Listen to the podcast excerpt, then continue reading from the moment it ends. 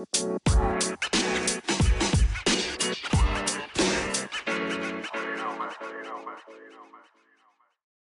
hey, super tof dat je luistert naar een nieuwe aflevering van de Positief met Pubers podcast.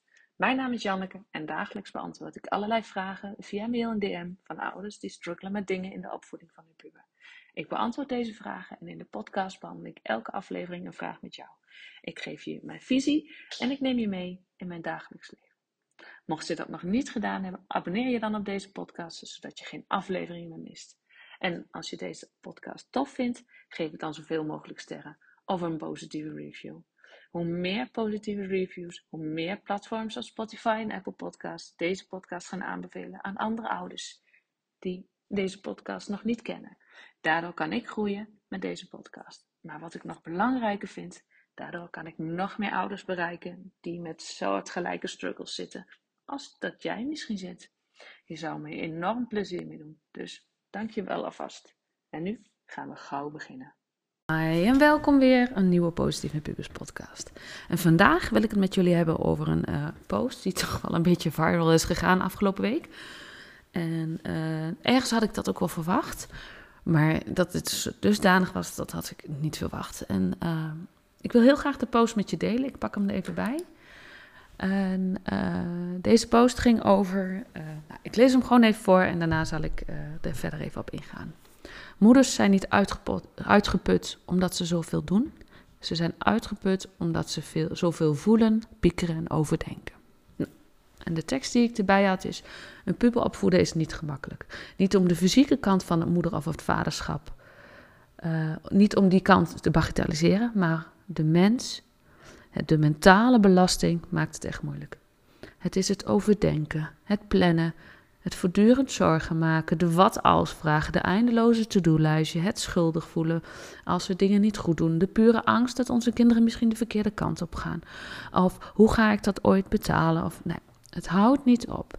Aan elke fysieke en mentale uitgeputte mama of papa, jij bent niet de enige. Ik voel je. En deze, die riep enorm veel op. Mijn DM, mijn berichtjes, echt.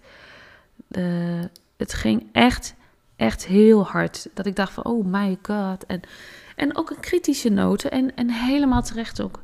Want ehm, als je mij langer kent, mindset is voor mij echt alles. Mindset uh, is voor mij het begin van geweest van waarom ik nu doe wat ik doe. En met name, nou ja, ik was altijd wel uh, iemand die positief dacht en het positieve in mensen ziet. Nou, mensen noemen mij ook wel eens naïef. Nou, dat mag, ben ik niet, maar vind ik zelf. Maar het opvoeden van een puber is niet gemakkelijk. En dat, dat is het gewoon. En dat kun je gaan omdenken wat je wil. Maar ik merk nu ook, nu, nu we uh, zo langzaamaan een echte puber in huis beginnen te krijgen. Je bent gewoon constant in je hoofd bezig met: oké, als ik dit nu, dan is dit de consequentie. Je bent constant bezig met oorzaak-gevolg. Met: oké, als ik deze keuze maak, dan is dit mogelijk gevolg. Als ik deze keuze maak, is dit mogelijk gevolg. En die afweging maken is heel belangrijk, maar je bent daar constant mee bezig. En dan kunnen we zeggen als. Uh, als mindset mensen en je moet positief denken mensen, je moet het omdenken. Ja, dat is zo, maar soms lukt dat gewoon niet. Soms is, ben je gewoon zo bezig in je eigen gedachten dat het even niet lukt om te denken: oké, maar goed, misschien bedoelt ze niet zo. Of het gedrag daarachter is dit. En natuurlijk, als je goede dagen hebt, gaat dit wel goed. Maar wij zijn mens. En dat betekent dat je niet altijd nou ja, je ziet mij niet, maar ik heb mijn hand even boven mijn hoofd. Als een lijn van, oké, als een lat die daar ligt. Je hoeft niet altijd je beste, op je best te zijn. Je bent mens. En dat betekent dat je fouten maakt. Fouten maken is niet erg. Het gaat er op die momenten om. Als je denkt van, oh my god, wat heb ik nu gedaan? Dit is echt niet handig geweest. Of, oh shit, dit had ik echt niet moeten doen. Of nou ja, wat je ook denkt. Dat je ook kan denken van, oké, hoe kan ik dit de volgende keer anders doen? Dat is voor mij mindset. Dat is voor mij een positieve mindset. Dat je denkt van, oh ja, ik ben mens, het is oké, het is gebeurd. Ik kan daar heel lang heel druk over maken. Ik kan het ook niet doen. En de ene keer gaat dat ook weer makkelijker dan de andere keer, dat weet ik ook. Maar dat je ook op die momenten kan denken, oké, dit is gebeurd. Hoe kan ik het anders, de volgende keer anders doen, zodat het mij een beter gevoel geeft? Dus als ik de situatie opnieuw mag doen, dus als ik opnieuw zou mogen kiezen, wat zou ik dan doen?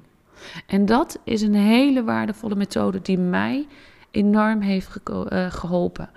Ik heb er al wel eens een podcast over gemaakt, maar ik wil hem je toch zeker even benoemen. En dat is de Choose Again methode. En ik weet het, wij hebben geen invloed op onze situatie. Tenminste, de dingen die ons gebeuren, daar heb je niet altijd controle over. Maar waar je wel controle over hebt en wat je wel kan beïnvloeden, is, zijn je gedachten en je gevoelens. Bijvoorbeeld als we een negatieve of een beperkende gedachte hebben, kunnen we dat, uh, kan dat ons een, een negatieve of een onzeker of angstig gevoel geven. Maar we hebben dan de tussen haakjes macht om onze gedachten te veranderen en ons beter te voelen. En dat is waar de Choose Again methode om draait. Het gaat er dus om dat je herkent en erkent wanneer je beperkende gedachten hebt of wanneer je een keuze hebt gemaakt dat je denkt van oh my god, had ik niet moeten doen. En dan deze te vervangen door een positieve en krachtige gedachte. En zo kan je je snel beter voelen en meer controle hebben over je eigen leven. Nou, een aantal oefeningen die ik daarom rondom graag met je wil doen. Uh, ik, zal, ik zal je het aangeven dadelijk, maar ik zal eerst even de stappen uitleggen. Oké, de eerste stap is bewustwording. Stel je voor, je hebt een gedachte of een gevoel die je, die je niet wil, die je die niet blij maakt ga daarmee, wees je daar bewust van. En uh, wanneer ik dit naar pubers uitleg, is dat bijvoorbeeld van je, uh, wanneer je de gedachte hebt van oh, shit, heb ik weer ruzie met die. Of oh, zie je nou wel, ik ben niet goed in wiskunde. Of uh, ik ben niet populair genoeg. Dat soort gedachten. Jij kunt je als volwassene ook wel voorstellen.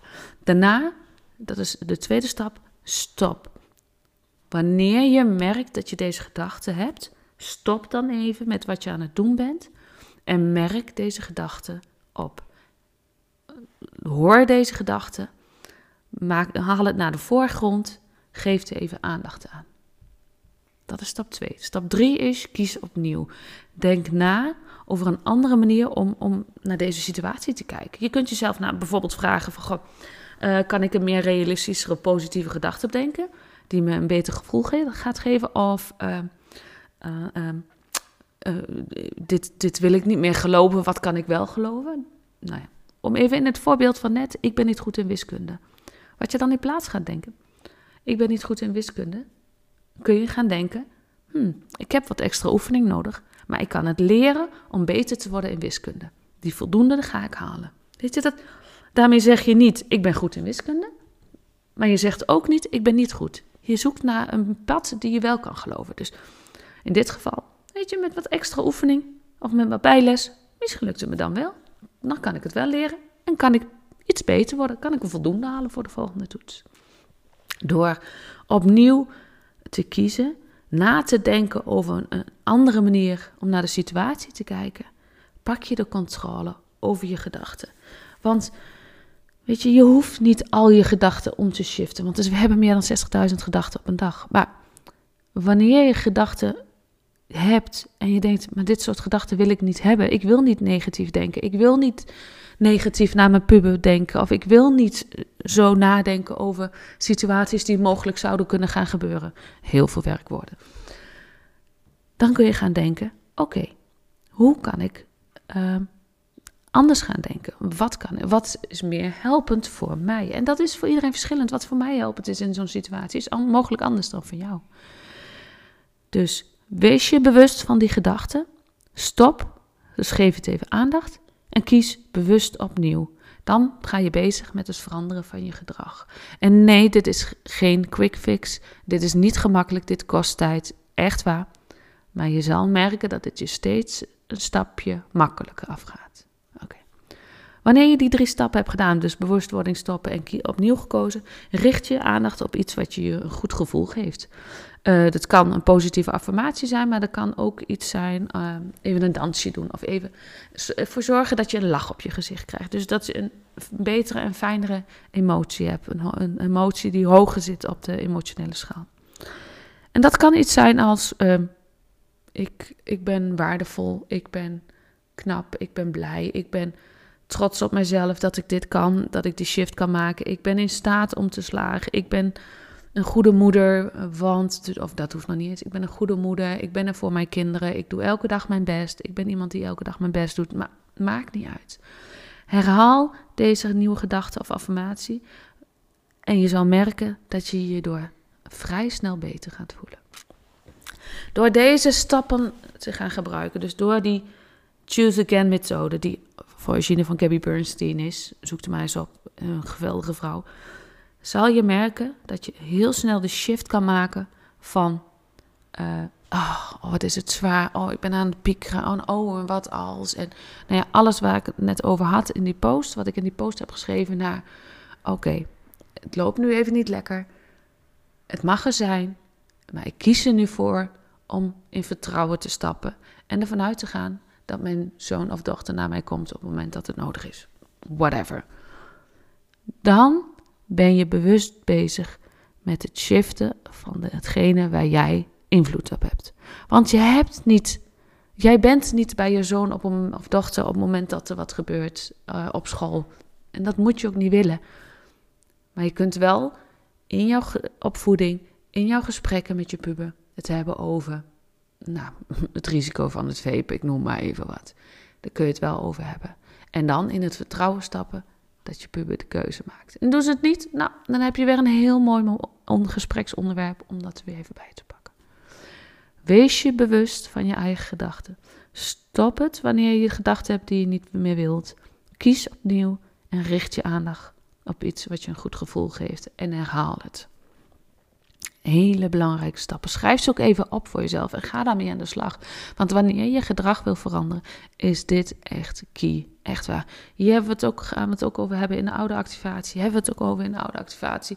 Het komt volgens mij bijna in al mijn trainingen voor. Ook in de, de Puber Challenge, de stressreductietraining voor pubers, komt deze ook voor. Deze is echt zo waardevol. Echt. Deze, toen ik dit leerde kennen en er bewust mee bezig ging, oh my god, dat was echt. Ja, goed. Een aantal oefeningen die ik je mee wil geven, een aantal suggesties die ik vaak pubers ook meegeef. Kijk wat je ermee kan, kijk of het wat voor je is. Ook hierin weer, doe vooral wat voor jou goed voelt. Voel je niet gedwongen om wat te doen en merk je een bepaalde spanning op, dan is het interessant om te gaan kijken: oké, maar waarom voel ik dit nu? Ja? Oké. Een aantal praktische oefeningen die je zelf kan doen, maar die je misschien ook met je puber kan doen als je merkt dat je puber in een, uh, uh, even in de dip zit is dus allereerst die affirmaties. Uh, positieve affirmaties opstellen of positieve mantra's, hoe je het ook wil noemen. Ze zijn altijd heel waardevol. Ik gebruik ze ook. Oh ja, dat klinkt zo slecht verkooppraatje. Elke ochtend als ik wakker word, eerst mijn mantra voor het slapen gaan. En ja, de mensen die mij kennen en die met mij werken, ik heb om 9 uur, om 12 uur, om 4 uur en om eh, 9 uur s'avonds een wekkertje om even bij mezelf in te checken. Oké, maar hoe zit ik erbij? Oké, dan zeg ik mijn mantra en dan ga ik weer verder. En dan merk ik gelijk dat ik een lach op mijn gezicht heb, want in mijn mantra zit mijn grootste droom verwerkt. Dus dan word ik gelijk blij. Het is positieve mantra. Wat ook werkt, is journalen. Schrijven. Het van je afschrijven. En welke vraag je dan stelt, moet je maar even googlen, want het zijn hele diverse vragen. Maar je kunt ook gewoon random gaan schrijven: oké, waar loop ik tegenaan en hoe zou ik het anders willen? En mijn beeld van de moeder die ik graag wil zijn, hoe zou die reageren? Kun je voor jezelf over gaan hebben. Wat je ook kan doen, en die ik ook in mijn, uh, op mijn uh, bureaublad heb staan van mijn laptop, is een vision board. Een vision board over dromen, doelen, aspiraties, whatever.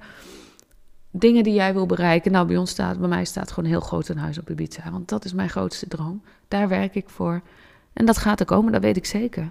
Het is er waarschijnlijk. Het is er al. Ik moet het alleen nog accepteren. Nou ja, goed, ander verhaal. Het maken van een vision board geeft je een richtlijn van: oké, maar dit is waarom ik doe wat ik doe. Hier werk ik voor, hier werk ik naartoe. Dat zal je puber motiveren. Dus het creëren van een positieve mantra, ofwel uh, affirmaties, schrijven, vision board maken en positieve zelfpraten. Dus Stimuleer jezelf, stimuleer je puber, moedig je puber aan, moedig jezelf aan om positieve zelfpraat te gebruiken. Uh, vooral wanneer je merkt dat ze vastzitten in een negatieve of beperkende gedachte. Dat helpt je namelijk niet om zo te blijven denken. Het helpt je niet om constant te blijven denken: oh ja, maar wat als? Oh ja, en dan, en dan zie ik zijn vrienden en dan denk ik: daar word je niet blijer van. Dus ga dat shiften. Ga aan de slag met die vijf stappen. Ga daarmee bezig. Want het helpt jou niet. Jij wordt er geen leukere moeder van als je constant in je hoofd zit. Jij bent een veel leukere moeder als je, nou ja, zeggen ze niet, maar als je blij bent en als je een beetje gek doet en een beetje jij bent, dan ben je die, die, die perfecte moeder voor je puber. Dat je kan laten zien van, het is oké om deze momenten te hebben, maar ik kies er vaker voor om me anders te voelen. Jij hebt die controle. Ga ermee aan de slag. Wil je meer informatie? Zoek Google dan even op de Choose Again Method van Gabby Bernstein. Dan vind je nog uitgebreide informatie. Heeft ook vast heeft ze de tientallen podcasts over gemaakt. Waar ze nog veel meer uitlegt over deze methode. echt super waardevol. Oké, ik hou het hierbij. Ik hoop oprecht dat deze podcast waardevol voor je was. Dat het je inzichten heeft gegeven. Um, dat je weer wat kan met de input. En dat het je weer verder heeft geholpen. Dat het je geïnspireerd heeft. Maar met name nog, en dat hoop ik het liefst, dat je tot actie komt. Door die stappen te gaan toepassen. Mocht je willen reageren of een suggestie hebben voor de podcast, kan dat natuurlijk. Zoek me dan even op via Insta. Wanneer je deze podcast waardevol vond, deel hem dan op je social media kanaal. En nou ja, alsjeblieft, geef me vijf sterren, want dan wordt mijn podcast gewoon nog beter gevonden. Vijf sterren kan in podcast, uh, in uh, uh, Spotify en Apple Podcast kan volgens mij een korte review, maar ook kun je ook een, een review achterlaten. Graag, want daarmee help je mij enorm. Op deze manier kunnen wij samen het leven van andere ouders en dat van andere pubers wat positiever maken.